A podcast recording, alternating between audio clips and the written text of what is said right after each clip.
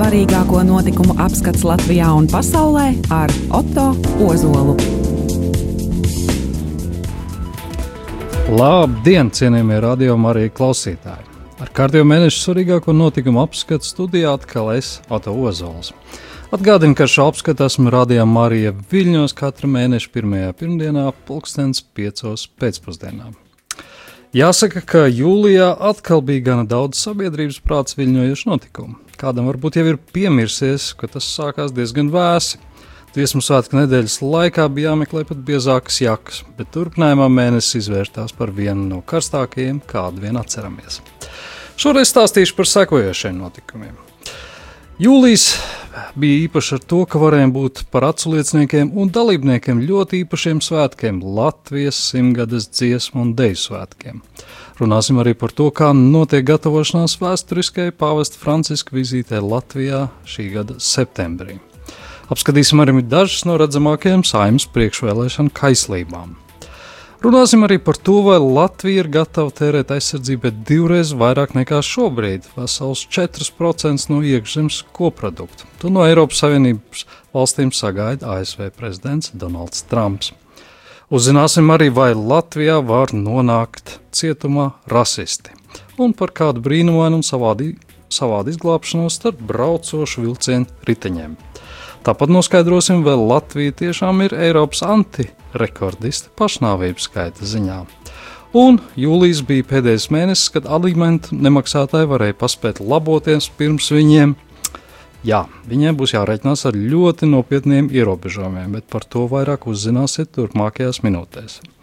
Runāsim arī par notikumiem citur pasaulē. Pieskarsimies ASV prezidenta Donalda Trumpa un Krievijas prezidenta Vladimira Putina sarunām Helsinkos. Stāstīšu arī par plašiem meža ugunsgrēkiem Zviedrijā. Būs ziņa arī par Polijas katoļu baznīcas īpašu aicinājumu poļiem valsts simtgadē. Un patiesi interesanti, vai mūsu tautieši spētu izdarīt to pašu. Uzzināsim arī, kāds liktenis sagaidītu Kremļa zaļos vīriņus, ja tie iedomātos uzbrukt Igaunijai. Igaunijas pulkoža atbilde bija skarba. Un atcerēsimies arī par brīnumaino jauno futbolistu izglābšanos Taizemē. Par šiem un citiem tematiem mēneša svarīgāko notikumu apskatā Latvijā un pasaulē. Atgādinu, radio arī studijā, kā jau katru mēnešu pirmajā pirmdienā, esmu es, Otto Ozols.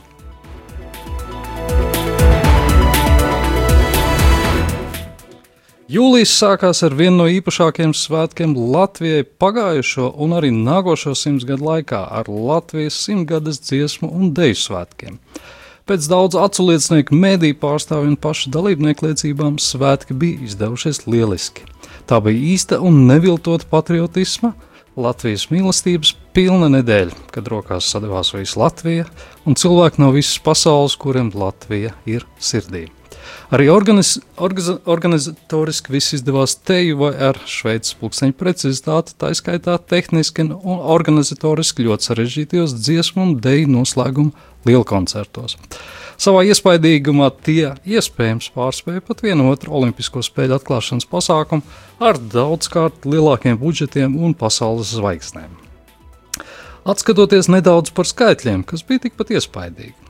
Meža parka lielajā estrādē vispārējo latviešu dziesmas un deju svētku noslēguma koncertā Zvaigžņu ceļā un tam sekojošajā sadziedāšanās pasākumā bija klāts 67,000 cilvēku. Līdz ar to šis ir kļuvis par visu laiku apmeklētāko dziesmu svētku pasākumu. Tā Latvijas TV rīta panorāmai pastāstīs svētku izpildu direktore Eva Juhņeviča. Dziesmu un deju svētku noslēguma koncertā piedalījās ap 6500 koristi. Daudz no viņiem kopā ar skatītājiem palika uz sadziedāšanās pasākumu līdz pat rīta gaismai. Par dziesmu un dēļu svētkiem liela interese izrāda arī plašsaziņas līdzekļu pārstāvji. Akreditēto mediju skaits bija ap 700, no kuriem liela daļa bija ārvalstu mediji. Kopumā svētkos piedalījās vairāk, ne če, vairāk nekā 43,000 dziedotāju un dejotāju, no tiem 2450 bija ārvalstu latvieši no 84 kolektīviem. Klātienē dziesmu un dēļu svētku pasākums nedēļas garumā šogad apmeklējuši 500 tūkstoši cilvēku, tas ir vesels pusmiljons. Tāpat Latvija, Latvijā bija vairāk nekā 40 publiskās skatīšanās vietas, kur sekot līdzi deju lieluz, lieluzvedumam Māra Zeme un noslēguma koncertam Zvaigžņu ceļā. Latvijas televīzijas svētku tiešraidē sekoja līdzi interesanti 23 pasaules valstīs.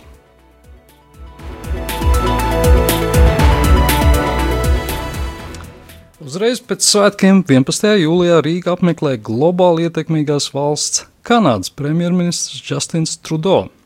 Vizītes laikās viņš tikās ar Latvijas premjerministru Mārku Kučinski.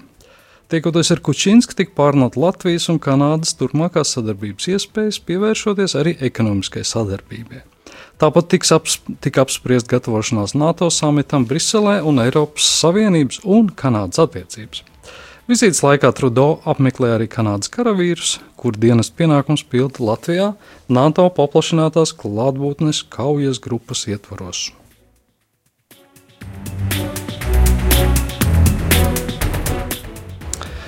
Jūlija pirmajā pusē, līdzīgi kā citur Eiropā, arī Latvijā izcēlās plaši meža ugunsgrēki.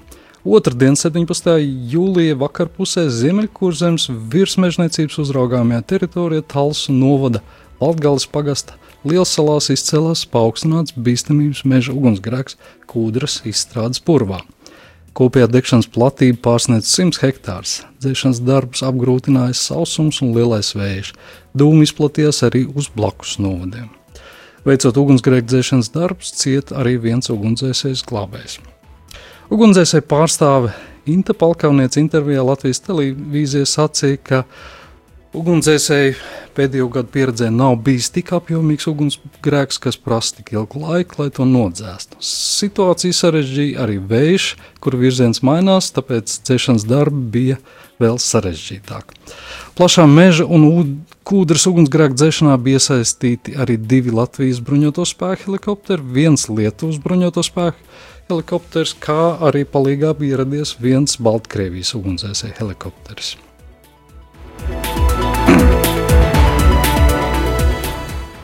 Diemžēl tā nebija vienīgā šāda mēroga uguns nelaime Latvijā. Saskaņā ar valsts meža dienesta datiem kopš gada sākuma Latvijā meža ugunsgrēks skāruši te 3000 hektārus.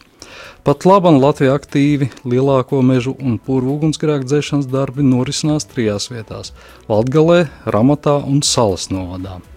Valsts meža dienesta meža un vidas aizsardzības daļas vadītāja vietnieks Zigmunds Jaunčiķis sarunā ar ziņu portālu TVNet brīdināja, pat viens pavisam nodzēs sērkociņš var izraisīt ā, milzu nelaimi. Tas pats attiecās arī uz cigarešu nodekuļiem. Jaunčiķis informēja, ka šo triju lielāko ugunsgrēku skartā platība tiek precizēta, taču pagaidām aprēķināts, ka tie ir aptuveni 1700 hektāri, 1400 hektāri Valdgalē, 220 hektāru ramatā un 30 hektāru salas novadā. Citu mazāk šīs vasaras meža ugunsgrēka laikā izdegusi platība kopumā sasniedz vairāk kā 1000 hektārus. Taču, taču nedz pēc ugunsgrēka skartās platības, nedz ugunsgrēka skaita šī vasara vēl nepārspēja 2006. gadu, kad visu 12 mēnešu griezumā tika reģistrēti 1929 meža ugunsgrēki ar kopēju degušo platību 3790 hektāru apmērā.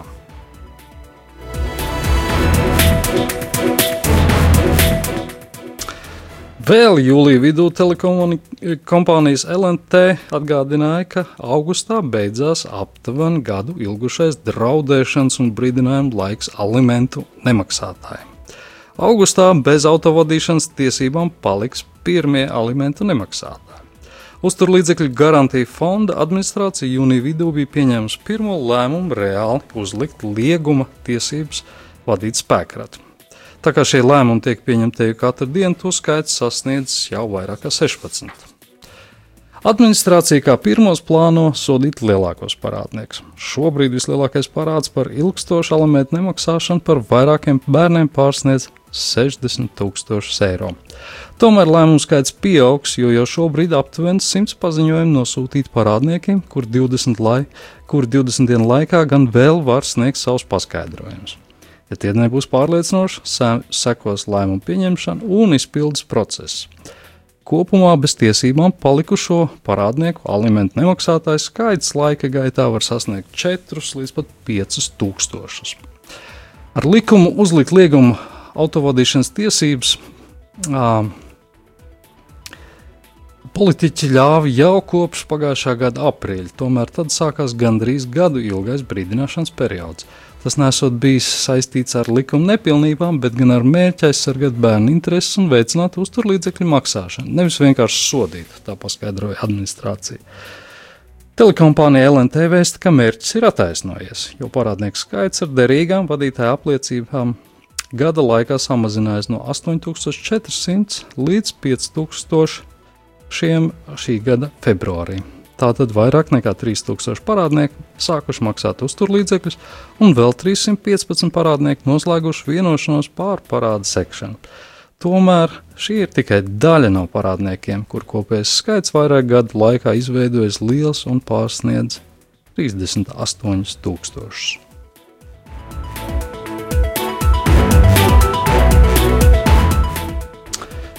Vēl jūlijā uzzinājām bēdīgu un satraucošu citu statistiku. Latvija ir trešais augstākais pašnāvību līmenis Eiropas Savienībā. Tā liecina Eiropas Savienības statistikas biroja Eurostat jaunākie dati, kas gan apkopoti tikai par 2015. gadu. Pēc šiem datiem Latvijā 2015. gadā notikušas 19,3 pašnāvības uz 100 tūkstošiem iedzīvotāju. Visaugstākais pašnāvību līmenis reģistrēts Lietuvā, kur notikušas 30 pašnāvības uz 100 tūkstošu iedzīvotāju. Otrajā vietā ierindojusies Slovenija, kur šis rādītājs bijis 21. Pašnāvību skaits uz 100 tūkstošu iedzīvotājiem. Pēc Latvijas seko Ungārija ar 19 pašnāvībām uz 100 tūkstošu iedzīvotājiem, Horvātija, Beļģija, Igaunija, Austrija, Polija, Francija, Luksemburga un Somija.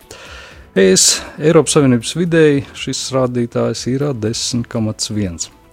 Zemāks nekā vidēji Eiropas Savienībā pašnāvību skaits ir Portugālē, kur tas ir 10 pašnāvību gadījumu uz 100 tūkstošu iedzīvotājiem Dānijā, Īrijā, Bulgārijā, Slovākijā, Maltā, Spānijā, Lielbritānijā un sarakstu noslēdz Itālija ar sešiem pašnāvību gadījumiem uz 100 tūkstošu iedzīvotājiem Grieķija un Kipra.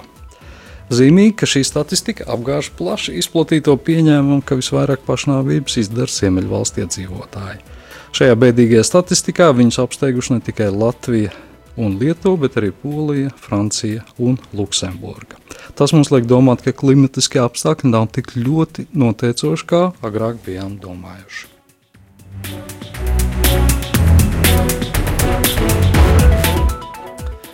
Jūlijā otrajā pusē, kā jau minēju, Somijas galvaspilsētā Helsinkos notika ilgi gaidītais ASV prezidenta Donalda Trumpa un Krievijas prezidenta Putina samits. Trumps norādīja, ka samitā apspried vairākus jautājumus, tostarp tirzniecību, attiecību ar Ķīnu, kā arī militāros jautājumus. Pēc sarunas ar Putinu ASV prezidents paziņoja, ka Krievijai nav bijis iemesli iejaukties ASV notikušajās prezidenta vēlēšanās. Savukārt ASV izlūkošanas aģentūras kas ziņoja, ka Krievija iejaukusies ASV prezidenta vēlēšanās, ir kļūdījušās. Vēlāk abas puses notikušo sarunu nosauc par sekmīgu. Savukārt ASV likumdevējs steidza kritizēt Trumpu par viņa nekritiskiem Krievijai veltītiem izteikumiem. Savukārt Krievijas mediji lērē atzina sarunas par veiksmīgām, lielu optimismu neizrādīja. Neoficiāli avot norādīja, ka Kremlis uzskata prezidentu Trumpu par grūti prognozējumu. Latvijas oficiālā amatpersona vērtējums bija diplomātiski atkur, atturīgs. Lai arī daudz tā dēvētie liberāli mēdīji bija satraukšies par to, ka Trumps ar Putinu kāds pāris stundas sarunājušies privāti bez citas klātbūtnes, mūsu valdība tajā nesaskatīja neko bīstamu. Intervijā Latvijas televīzijas raidījumam Rīta panorāmā premjerministrs Mārs Kučinskis teica, tā kā ASV prezidenta Donalda Trumpa un Krievijas vadītāja Vladimira Putina privātajā sarunā neviens cits nav piedalījies, secinājums izdarīt ir priekšlaicīgi. Kačinskis norādīja, fakts, ka lielu valstu vadītāji tiekās, ir jāvērtē pozitīvi. Labāk, lai cilvēcīgi sarunājas, nekā katrs savā valstī runā pāri okeānam. Secinājums izdarīt ir priekšlaicīgi, jo neviens nav bijis klāt abu prezidentu sarunām. Latvijas ministrs prezidents uzskata, Latvijai labā ziņa ir tā, ka samitā nav izskanējuši radikāli priekšlikumi, kas liktu mainīt pozīciju drošības jautājumos.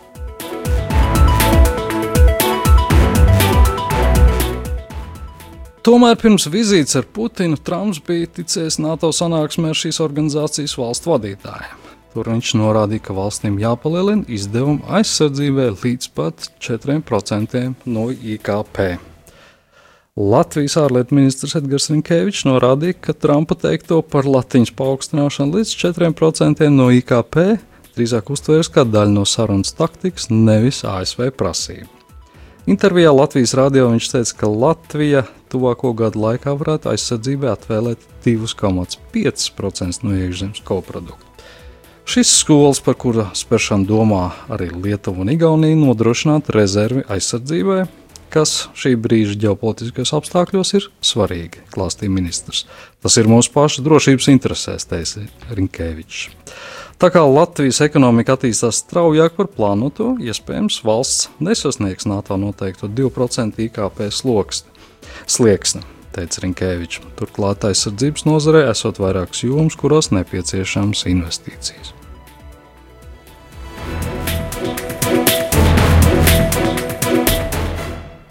Tikmēr Jūlijās saimnes vēlēšana kandidātu saraksts turpināja iesniegt partijas, kuras plāno piedalīties vēlēšanā. Jūlijā otrajā pusē savu sarakstu iesniedz arī jaunā konservatīvā partija. No šīs partijas Rīgas vēlēšana apgabalā ar pirmo numuru startēs Rīgas domes deputāte Juta Strīķa. Savukārt partijas priekšsēdētājs un arī Rīgas domas deputāts Jānis Bordāns būs līderis vidzemes sarakstā. Kurzemes lokomotīva būs Rīgas domas deputāts, bijušais knapa darbinieks Juris Jurašs, kurš arī ir politiskā spēka, labklājības un veselības ministra kandidāts. Zemgalē saraksts līderis būs arī Rīgas domas deputāts un finanšu ministra amata kandidāts Krišjānis Feldmans. Savukārt Latvijā ar pirmo numuru startēs literatūras zinātnēce Ilga Šuplinska. Partijas vadītājs Jānis Bordāns skaidroja, ka partija apvienojušies apvien, ka partija apvienojas dažādas cilvēks, bet ar vienotām vērtībām. Viņš atklāja, ka vēlēšana sarakstā būs sabiedrībā zināmi cilvēki - satiksmes eksperts Tāls Linkaitis, socioloģija Dagmāra Beitnere Legāla, kā arī iedzīvo dziedātāja Ieva Akurātere.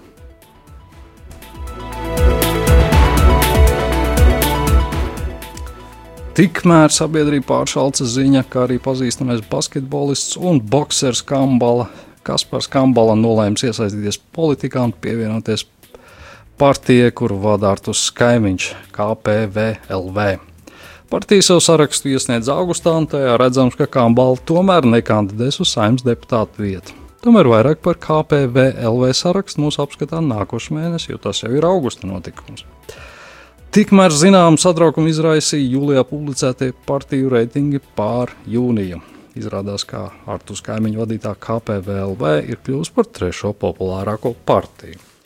Pēc aptaujas kompānijas SKDS ziņām jūnijā pirmajā vietā, kā parasti, ir vispopulārākā partija Saskaņa. Viņu a, atbalstījuši 21% no aptaujātajiem. Otrie ir ZZZ, ZZS. Bet trešajā vietā jau minētā KPVLV ar 7% atbalstu. Par Nacionālo apvienību jūnijā gatavību balsot bija pauduši 6,8%. Attīstībai par atbalstu izteikuši 4,4%, jaunai konservatīvai partijai 3,9%, bet jaunās vienotības reitings jūlijā bijis 2,9%. SKDS vadītājs Arnēs Kaktiņš komentējis, ja līdz šim neizlēmušo balsis sadala proporcionāli, tad droši saimā iekļūt saskaņa ZZS KPVLV un Nacionāla apvienība. 5% barjeru varētu pārvarēt arī attīstībai pār jaunā konservatīvā partija un jaunā vienotība. Tiesa intervijā laikrakstam sestdiena Kaktiņš atgādināja, ka partiju reitingi ir pagātnes fotografija, un līdz vēlēšanām vēl daudz kas var mainīties, kā tas nereti jau ir bijis.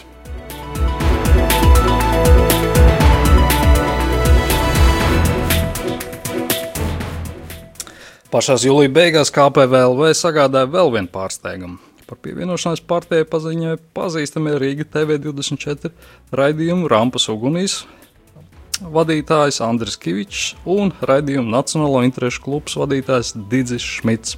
Tas bija pārsteigums arī Rīga TV24 vadībai. Šo personu lēmums nav saistīts ar Rīga TV24 darbību, uzsvēra televīzijas direktors Klaus Kalniņš. Kā portāla Delfi informēja Kalniņš, abu personu paziņojumu pārsteiguši televīzijas kolektīvu, un nu gan Šmits, gan Kavičs Rīga TV24 vairs nestrādā.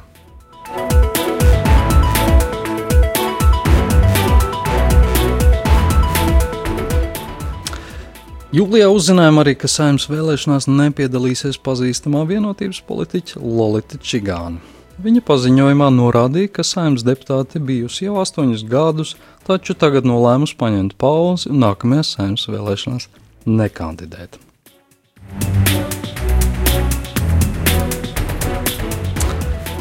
Neliela sabiedrības viļņošanās izraisīja arī kāda cita, nu jau bijusi saimnes deputāta un vienotības biedre Solvita Aboltiņa. Ārlietu ministrija oficiāli paziņoja, ka viņa apstiprināta par Latvijas vēstnieci Itālijā. Par to neoficiāli runas klīd jau iepriekš, bet ārlietu ministrs Edgars Rinkevičs norādīja, ka oficiāli apstiprināt to drīkstēja tikai pēc Itālijas puses piekrišanas. Tagad tāda esot saņemta. Stājoties Latvijas vēstniecības vēstnieces amatā Itālijā, galvenais uzdevums bijušai politiķai Aboltiņai būs veicināt abu valstu attiecības, un tam viņa veltīšot visu savu zināšanas un pieredzi, tā viņa pati pavēstīja žurnālistiem. Aboltiņa pēc akreditācijas vēstules saņemšanas žurnālistiem skaidroja, ka pateicoties Itālijai, Latvija iegūs savu de jure atzīšanu. Tas patiešām a, ir vēsturisks fakts. Tieši Itālijas a, diplomāti ir bijuši vieni no pirmajiem, kas a, izrādīja interesi atzīt Latvijas a, republiku kā patstāvīgu neatkarīgu valsti. Viņa pauda, ka Latvijai un Itālijai ir brīnišķīgas attiecības ekonomikā un kultūrā, bet galvenokārt abas valsts saistā attiecības drošības jomā. jomā. Andažos pat labam dienas 160 Itālijas karavīri sargājot Latvijas valsts un tās iedzīvotāju drošību. Ir svarīgi, lai šīs attiecības tiktu veicinātas un turpinātas, norādīja Āboltiņa.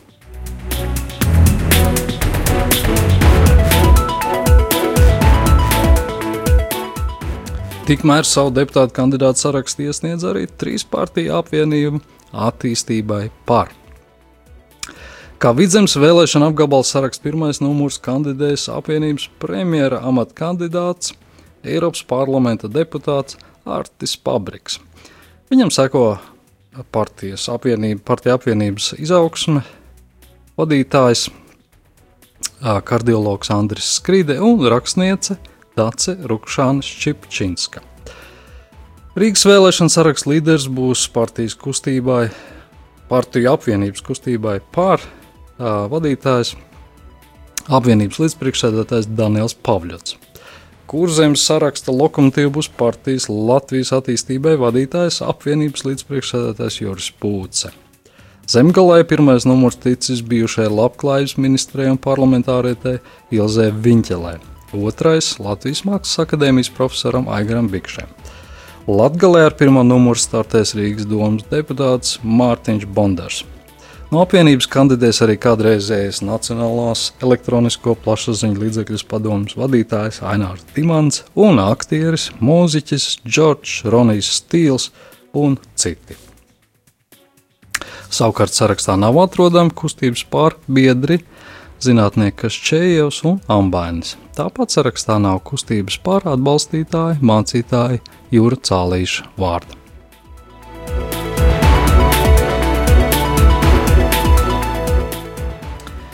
Tikmēr Latvijas sabiedrība pārsteidz kāds cits neparasts satraucošs notikums ar laimīgām beigām. 19. jūlijā rītā Cēsu novadā kravas vilciens pārbrauc pāri uz sliedēm aizmigušam vīrietim, atstājot guļavu neizkārtu. Tā ziņoja valsts policija. Policija pulkstenis 3.30 saņēma informāciju, ka kādā no Cēsu novada dzelzceļa stācijām kravas vilciens notriecis cilvēku. Ierodoties notikumā vietā, notikuma vietā, policists noskaidroja, kā 1970. gadā dzimis vīrietis aizmidzis starp sliedēm. Viņam pāri pārbrauc kravas vilciens, un brīnumainā kārtā viņš nav gūs miesas bojājums. Līdzīgs atgadījums pirmdien, 16. jūlijā, notika Amatas novadā. Tur 15.30 policija saņēma ziņu, ka vilciens notriec cilvēku. Likumsargi notikuma vietā sastapa 1964. gadā dzimušu sievieti, kur piedzērsies un aizmigusi starp sliedēm. Viņai pārbraucis vilciens, bet sieviete palikusi sveika un vesela. Uzsākt administratīvā lieta vedība. Tomēr šie ir ārkārtīgi reti gadījumi. Visbiežāk neuzmanību uz sliežu ceļiem beidzās traģiski. Jāatcerās, ka vilciena bremzēšanas ceļš ir ārkārtīgi garš.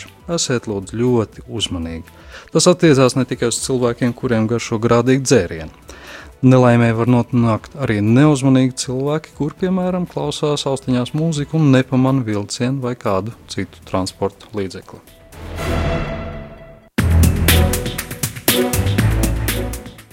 Nepatikšanās var nonākt arī ar apzinātu rīcību.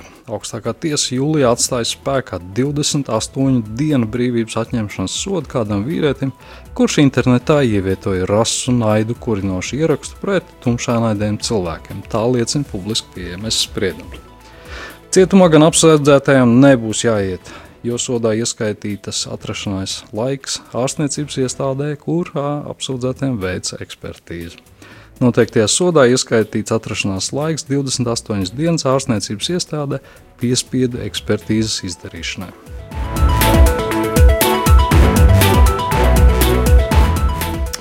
Tomēr jūlijas Latvijā noslēdzās ar ļoti gaišu ziņu. 31. jūlijā svētceļojumu uz Aglonu devās pirmā svētceļnieku grupa no Rīgas. Tā informēja Latvijas Romas katoļu baznīca.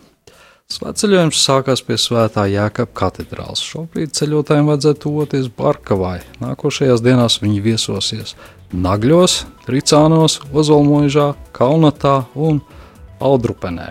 Finišu, jeb Aglonas svētceļnieku grupu plāno sasniegt 13. augustā.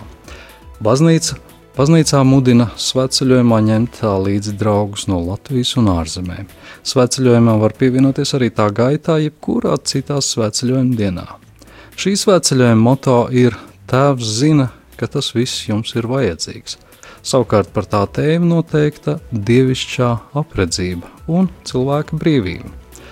31. jūlijā ceļā devās arī svētceļnieki no Bruknes, 1. augustā uz Aglonu no Rīgas devās arī svētceļnieku grupa no Rīgas Kristus karaļa katoļu draudzes. 2. augustā no Iecavas, 4. augustā vēl viena svētceļnieku grupa no Rīgas Svētā Alberta baznīcas. 6. augustā no Siguldas, 10. augustā no Varakļāniem. Atgādina, visas svētākās jaunās Marijas debesīs uzņemšanas svētki Aglonā notiks 15. augustā.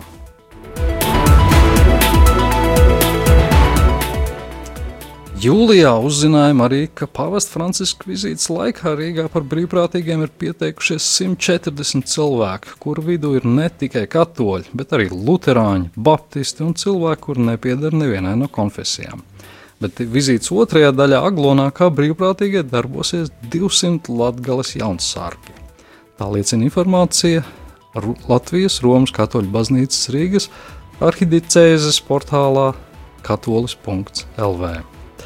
Pāvests Francisks 24. septembrī viesosies Latvijā. Dienas pirmajā pusē viņam ir plānota tikšanās ar valsts prezidentu un valsts augstākajām amatpersonām, sabiedrības pārstāvjiem Rīgas pilī.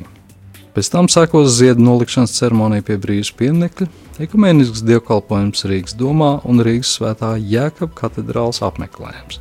Dienas otrajā pusē viņš dosies uz Aglonu, kur svinēs svēto misiju. Tāpat ziņots, ka pāvesta vizītes diena Latvijā būs brīvdiena.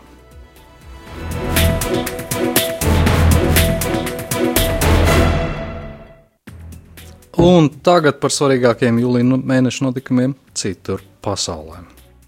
Iespējams, visvairāk apspriestais notikums bija jau pieminētā vēsturiskā ASV un Krievijas prezidenta tikšanās Somijas galvaspilsētā Helsinkos. Abi pēc sarunu Samita sarunām tikšanos cildināja to raksturot kā produktīvu un sekmīgu. Trumps sacīja, ka sarunas bijušas atklātas, tiešas un dziļi produktīvas. Mūsu attiecības nekad nav bijušas sliktākas par tām, kādas tās ir šobrīd. Tomēr tās aptuveni pirms četrām stundām ir. Tomēr tas aptuveni pirms četrām stundām ir mainījies. Es tam patiešām ticu, preses konferencē sacīja Trumps. Arī Putins cildināja samita tikšanos kā ļoti sekmīgu. Es sarunas uzskatu par ļoti sekmīgām un noderīgām preses konferencēs, stāvot līdzās Trumpam sacīs Putins, vienlaikus cildinot atklāto un lietišķo samita atmosfēru. Putins, runājot pēc vairākām stundām, norādīja, ka nav objektīvi iemesli spriedzēji ASV un Krievijas attiecībās. Vēl pirms sarunām tika prognozēts, ka šajā samitē, ko pasauli gaidīja ar zināmu piesardzību, tiks apspriests ASV un Krievijas attiecības, attiecību pašreizējais stāvoklis un turpmākās izredzes, skarot tādas tematas kā Sīrija, Ukraina, līguma bruņojuma kontrolas jomā un aizdomas par Krievijas jaukšanos ASV vēlēšanās.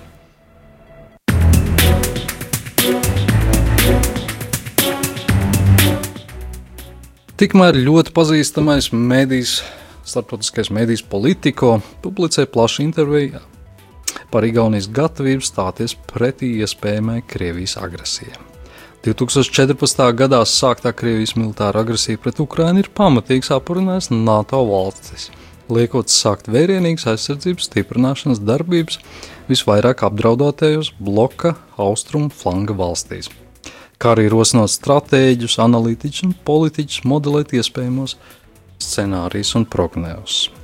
Ir izskanējuši aplēses, ka skaitliski un tehniski daudz pārāk Krievijas spēki Baltijas valstu galvaspilsētas iespējama uzbrukuma gadījumā varētu ieņemt pat tikai dažu dienu laikā. Taču šajās diskusijās par to, cik ievainojams ir Baltijas valsts, tiek izlaists būtisks faktors iedzīvotāju vēlmi cīnīties un aizsargāt savu dzimto zemi. Intervijā portālam Politico savu skatījumu pauda Igaunijas speciālo uzdevumu spēku komandieris Pulkvedis Riho Uhtegi. Pastāv mūžīgas diskusijas, ka Krievijas spēki var nokļūt līdz Tallinai divās dienās, un varbūt arī tā ir, viņš pieļāva. Bet viņi nevar dabūt visu Igauniju divās dienās. Viņi var tikt uz Tallinu, bet aizmugurē mēs nogriezīsim viņa komunikācijas un apgādes līnijas ar visu pārējo, skaidroja Uhtegi. Viņi var nokļūt līdz Tallinai divās dienās, bet Tallinā viņi arī mirs, viņi to zina. Un viņi saņems uguni no katra stūra uz katra soļa, brīdināja komandieris. Igaunijas militārā doktrīna pārēdz agresijas gadījumā nevilcināties izrādīt aktīvu pretestību iebrucējiem bez īpaša rīkojuma no augšas. Šo rīkojumu numur viens izdeva Igaunijas pirmais aizsardzības spēka komandieris pēc neatkarības atgūšanas Aleksandrs Enselns, Igaunis, kurš 35 gadus trimdā bija dienējis ASV armijā. Viņš pavēlēja katram virsniekam nekavējoties sākt pretestību, ja Krievijas armijas čērsot Igaunijas robežu. Neviens no nākamajiem aiz, Igaunijas aizsardzības spēka komandieriem neuzdrošinājās to atcelt, stāstīja Uhtegi, kurš uzskata, ka šis lēmums ir pamats jaunajai Igaunijas virsnieku paudzei. Tikmēr Zviedrija saskārās ar pavisam citu ļoti nopietnu pārbaudījumu. Zviedrijas varas iestādes ziņoja, ka valsts mežos dega 42 ugunsgrēki. Šobrīd situācija joprojām saglabājas nopietna, lai arī ir stabilizējusies. Lai novērstu jaunu ugunsgrēku izcelšanos civilās aizsardzības un ārkārtas situāciju pārvalde aicināja Zviedrus Zviedru vietējās un reģionālās varas iestādes padarīt stingrāks aizliegums, kurt atklāts ugunskurs un aizliegt izmantot grilus privātu māju dārzos. Ugunsgrēku risks nedēļas nogalēs Zviedrijā sasniegs ārkārtēju līmeni, tā viņi brīdināja. Tāpēc jāpadara stingrāk aizlieguma attiecībā uz ugunskuriem, lai novērstu jauns ugunsgrēks, ziņoja Zviedrijas ugunsdzēsēju pārstāvi. Kopumā ugunsgrēks Zviedrijā skāruši teritoriju 250 km2 platībā. Zviedrija pie, piedzīvo nepieredzētu sausumu un augstāko gaisa temperatūru pēdējā gadsimta laikā. Zviedrijā, kur šāda laika apstākļi nav ierasti, nespēja pašiem spē, spēkiem tikt galā ar plašiem meža ugunsgrēkiem. Tāpēc tai atbalstu sniegusi Itālija, Vācija, Norvēģija, Dānija, Polija un Francija. Kopš maija sākuma Zviedrijā faktiski nav bijis lietas, izņemot nelielas nokrišņus jūnija vidū.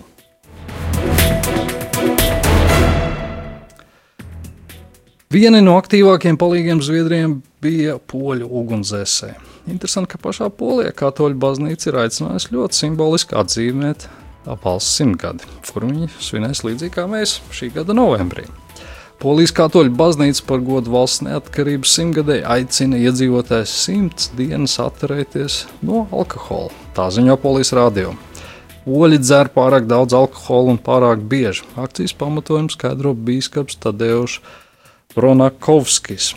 Viņš aicina poļus nelietot alkoholu no 1. augusta līdz 11. novembrim, kad Polija atzīmē savas neatkarības simto gada dienu. Šī iniciatīva būs kā brīvības un mīlestības pret savu zemi pārbauda, skaidroja garīdznieks.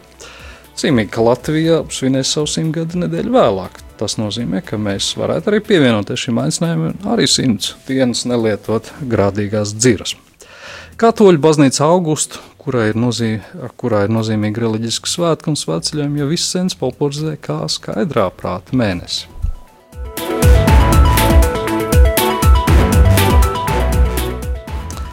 Ar labām ziņām jūlijas atnāca arī Katalonijas neatkarības aizstāvjiem. Spānijas tiesnesis atcauc bijušā Katalonijas prezidenta Karles Puigdemona un citu uz ārzemēm trimdā aizdzīto katalāņu neatkarības kustības līderu starptautiskos aizturēšanas ordeņus. Tā pavēstīja augstākā tiesa.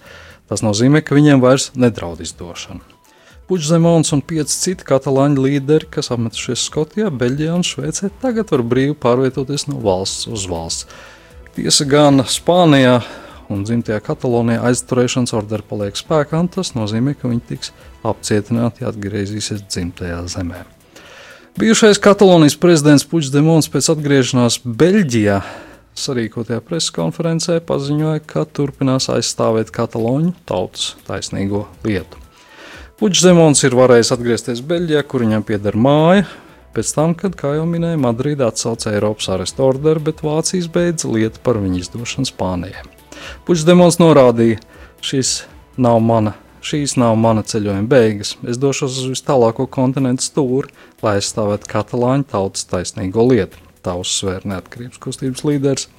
Mans ceļojums nebeigsies, kamēr visi politiskie ieslodzītie netiks atbrīvoti, trimdnieki nevarēs atgriezties un katalāņu tauta nevarēs īstenot savas pašnoteikšanas tiesības bez vārdarbības draudiem. Atgādinu, ka Spānijā cietumā joprojām tiek turēti deviņi politieslodzītie katalāņu neatkarības kustības līderi.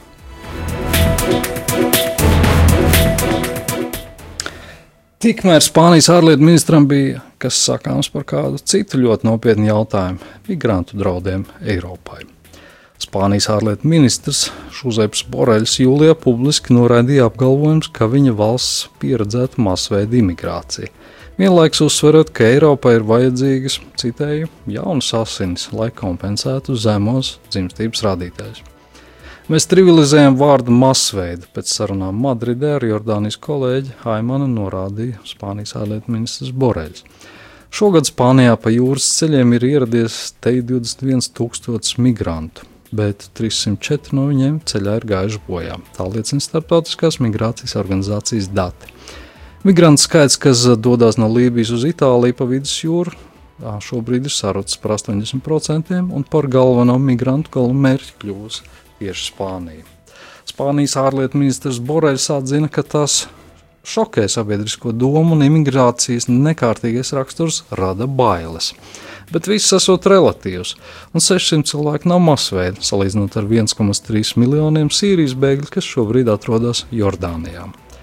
Mēs runājam par 20 tūkstošiem migrantu. Līdz šim Šajā gadā Spānijā valstī ir 40 miljoni iedzīvotāju, sacīja ministrs. Tā nav masveida migrācija. Viņš arī pieļāva, ka Eiropā, kur daudzās valstīs ir zema dzimstības rādītāji, citēju, migrācija var nākt par labu. Viņš turpināja skaidrot, Eiropas demogrāfiskā evolūcija liecina, ja mēs nevēlamies pakāpeniski kļūt par novecojušu kontinentu, mums ir vajadzīgs jauns asins. Un kaut kā nešķiet, ka šīs jaunās asins rastos no mūsu spējas radīt pēcnācējus, skaidroja ministrs. Tiesa, viņš nav iepazinies ar kopējo situāciju visā Eiropā. Daudzās labklājīgās un atbild, atbildīgās Eiropas Savienības valstīs dzimstības rādītāji ir stabilizējuši un, un uzrāda stabilu pieaugumu arī bez uh, lielas migrantu iesaistes.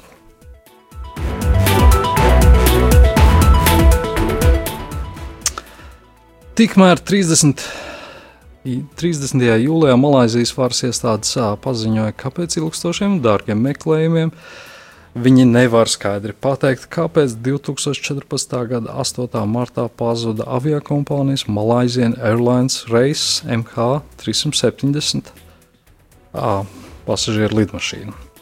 Savos secinājumos komanda nevarēja pateikt MH370 pazušanas reālo iemeslu. Preses konferencē paziņoja Malaisijas drošības izmeklēšanas komandas vadītājs Koks Sulčons. Viens no atklājumiem 495 lapas pušu biezajā galīgajā ziņojumā par lidmašīnas pazušanu ir tāds, ka lidmašīna pēc izlidošanas no Kuala Lumpūras uz Pekinu pagriezusies atpakaļ, tā liecinot privāto un militāro radaru dati. Ziņojumā arī norādīt, noraidītas jebkādas lidmašīnas tehniskās anomālijas un iespēja, ka pilots bijis nekompetents vai cietis no garīgiem traucējumiem. Pazudušo pasažieru tuvinieki pauda dusmas un vilšanos par ziņojumu, jo tas nesniedzot adekvātas atbildes.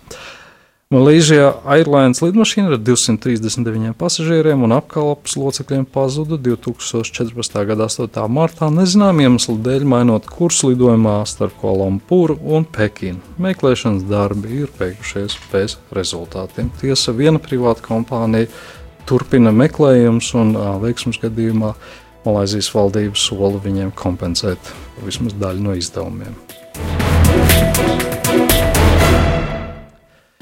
Tikmēr Taizemē laimīgi noslēdzās ļoti sarežģīta un nopietna glābšanas akcija, kurai uzmanīgi sekoja līdz te vai visa pasaule.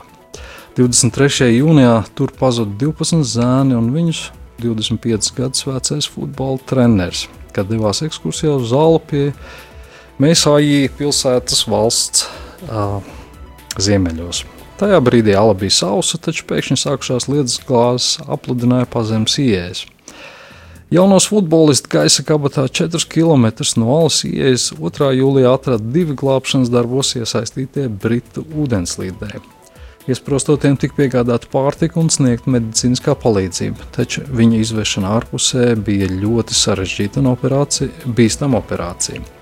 Glābšanas sarežģītību noteica fakts, ka no alas varēja izkļūt tikai ar ūdenslīdēju ekipējiem, kas nozīmē milzīgu risku nepieredzējušiem nirējiem.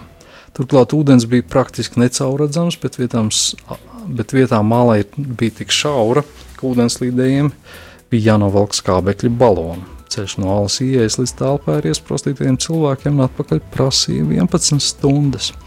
Pasākuma bīstamību apliecina arī traģiskā ziņa, kā gāja bojā arī viens no glābējiem. Pēc ilgstošas plānošanas, sagatavošanas darbiem un izmēģinājumiem varas iestādes jūlijas, be, varas iestādes jūlijas beigās pieņēma lēmumu glābšanas sākt nekavējoties, nevis turpināt gaidīt uz ūdens līmeņa pazemināšanos, jo prognozētās lietus gāzes un sarūkošās skābekļa rezerves salā situāciju padarīja bīstamu. Sarežģītajā operācijā piedalījās 90 ūdenslīdēji. Katru zēnu, kuru sarežģītajā ceļā, kuri sarežģītajā ceļā devās ar elpošanas maskām, pavadīja divi nīrēji, viens no kuriem pārvietoja arī glabājamā skābekļa balonu. Pašās jūlijā beigās uzzinājām, ka atsākoties alā aizemē iesprostoto zēnu viņa futbola trenera glābšanas operācija, no aplūdušās alas dzīvēm tika izvesti visi 12 pusauģi un viņa treneris.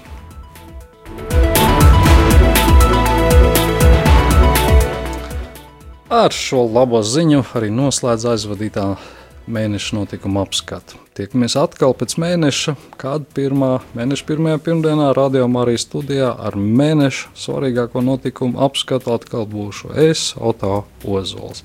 Lai svētīgs augusta mēnesis, visu labu! Svarīgāko notikumu apskats Latvijā un pasaulē ar Oto Ozolu.